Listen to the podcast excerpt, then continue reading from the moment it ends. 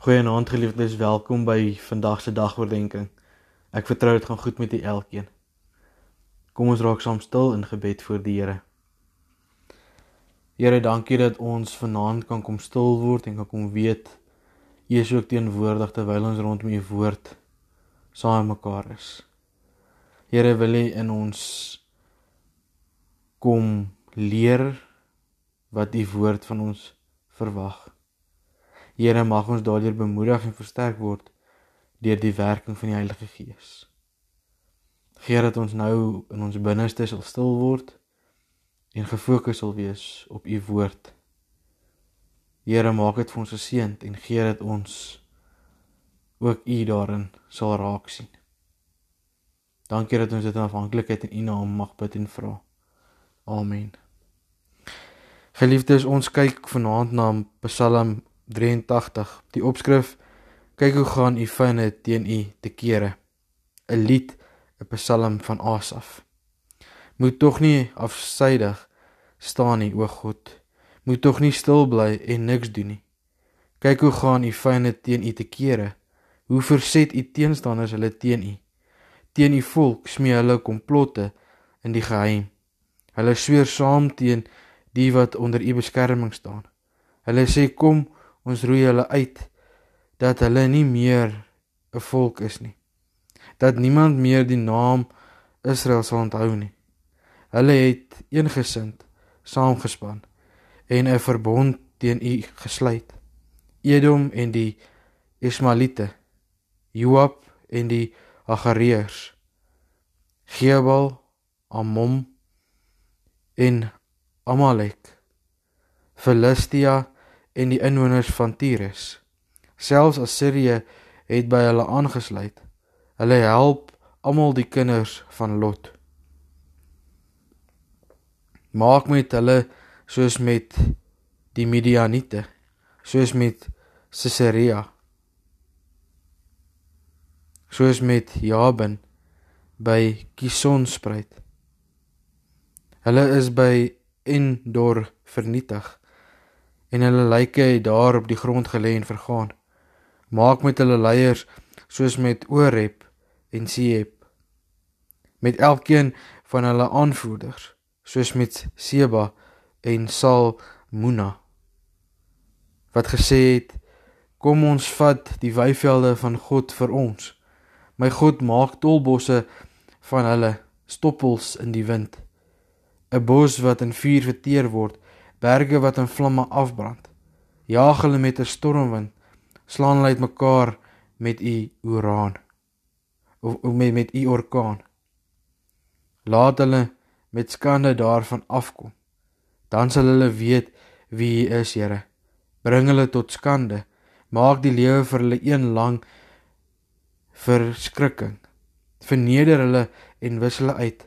Laat hulle besef dat alleen U die naam Here het. U die allerhoogste oor die hele aarde. Ons lees tot sover.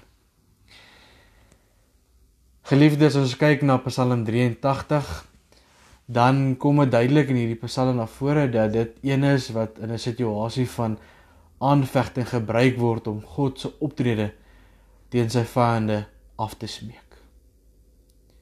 Die rede vir hierdie smeking sien ons dan ook eers die smeking in vers 2 as daar staan moet tog nie afsydig staan nie o God. Moet tog nie stil bly en niks doen nie. En dan die rede in vers 3 wat net daarna volg wat sê kyk hoe gaan u vyande teen u te kere. Hoe verset u teenstanders hulle teen u Geliefdes om die teenstanders as vyande beter te verstaan met ons besef dat dit verband hou met die 12 nasies en die 8 leiers wat in die Psalm genoem word as die steendanners van God en ook sy volk. Ons moet raak sien dat die teenstanders se vyandskap eers as gemik op God self uitgespel word. Ons sien dit veral in vers 2 en 3 wat ons nou net saam gelees het. En dan eers daarna oorbeweeg na die bedreiging vir die volk as daar dan na hulle verwys word of van hulle gepraat word in vers 4 tot 5.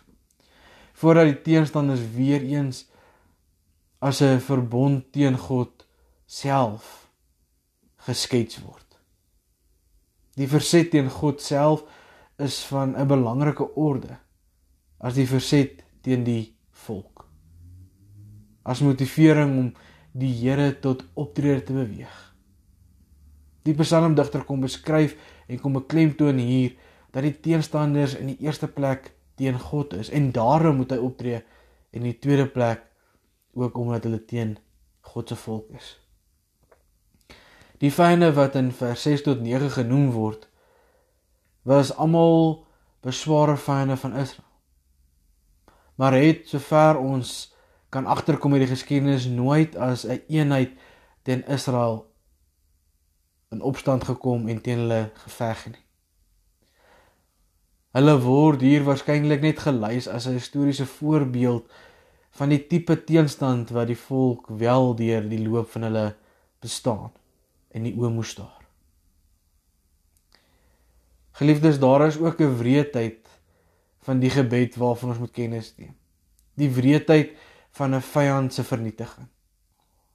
As ons net hier dink aan vers 14 en 15 as daar staan My God maak tolbosse van hulle stoppels in die wind 'n bos wat in vuur verteer word, berge wat in vlamme afbrand.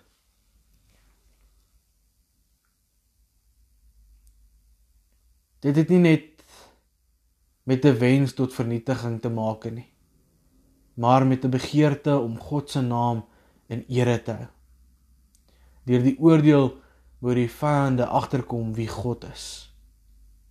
Dink dit hier wat staan in vers 17 weer laat hulle met skande daarvan afkom dan sal hulle weet wie is Here en dan later weer in vers 19 as daar staan laat hulle besef dat u alleen die naam Here het u die allerhoogste oor die hele aarde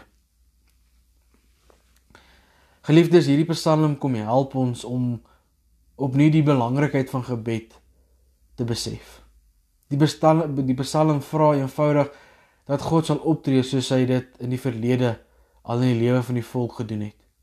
Veral in die oorlog teen die Kanaaniete, as ons kyk na Rigters 4 en 5, maar ook die van die Midianiete in Rigters 6 tot 8. Dit is ook vir ons insiggewend om die Here se optrede in beide oorloë raak te sien en te weet dit was die deurslaggewende faktor in die oorlog met die eh, Kanaaniete deur die slim keuse van die vlei land as terrein waar die swaar eysterwaans van Jabin oneffektief was. En dan die van die Midianiete deur 'n verrassingsaanval in die nag wat grootskaalse verwarring geskep het. In hierdie omstandighede sien ons die hand van God raak en besef ons dat hy die deurslaggewende faktor was. Geliefdes gebed en gehoorsaamheid aan wat die Here openbaar is en bly die belangrikste wapen in ons geestelike wapenrusting. Moet die Psalm ons woorde vir vandag nie dalk weer opnuut word waar God se naam in diskrediet gebring word en sy mense vergrys word in die wêreld nie. Ons woorde raak min maar Is dit nie dalk hoe ons voel as ons hierdie Psalm lees nie? Is dit nie dalk wat in ons gedagtes en ons binneste leef nie? Geliefdes, het ons nie dalk stil geword in ons gebed tot die Here nie? Miskien is dit nie die Here wat so stil is nie, maar ek en u.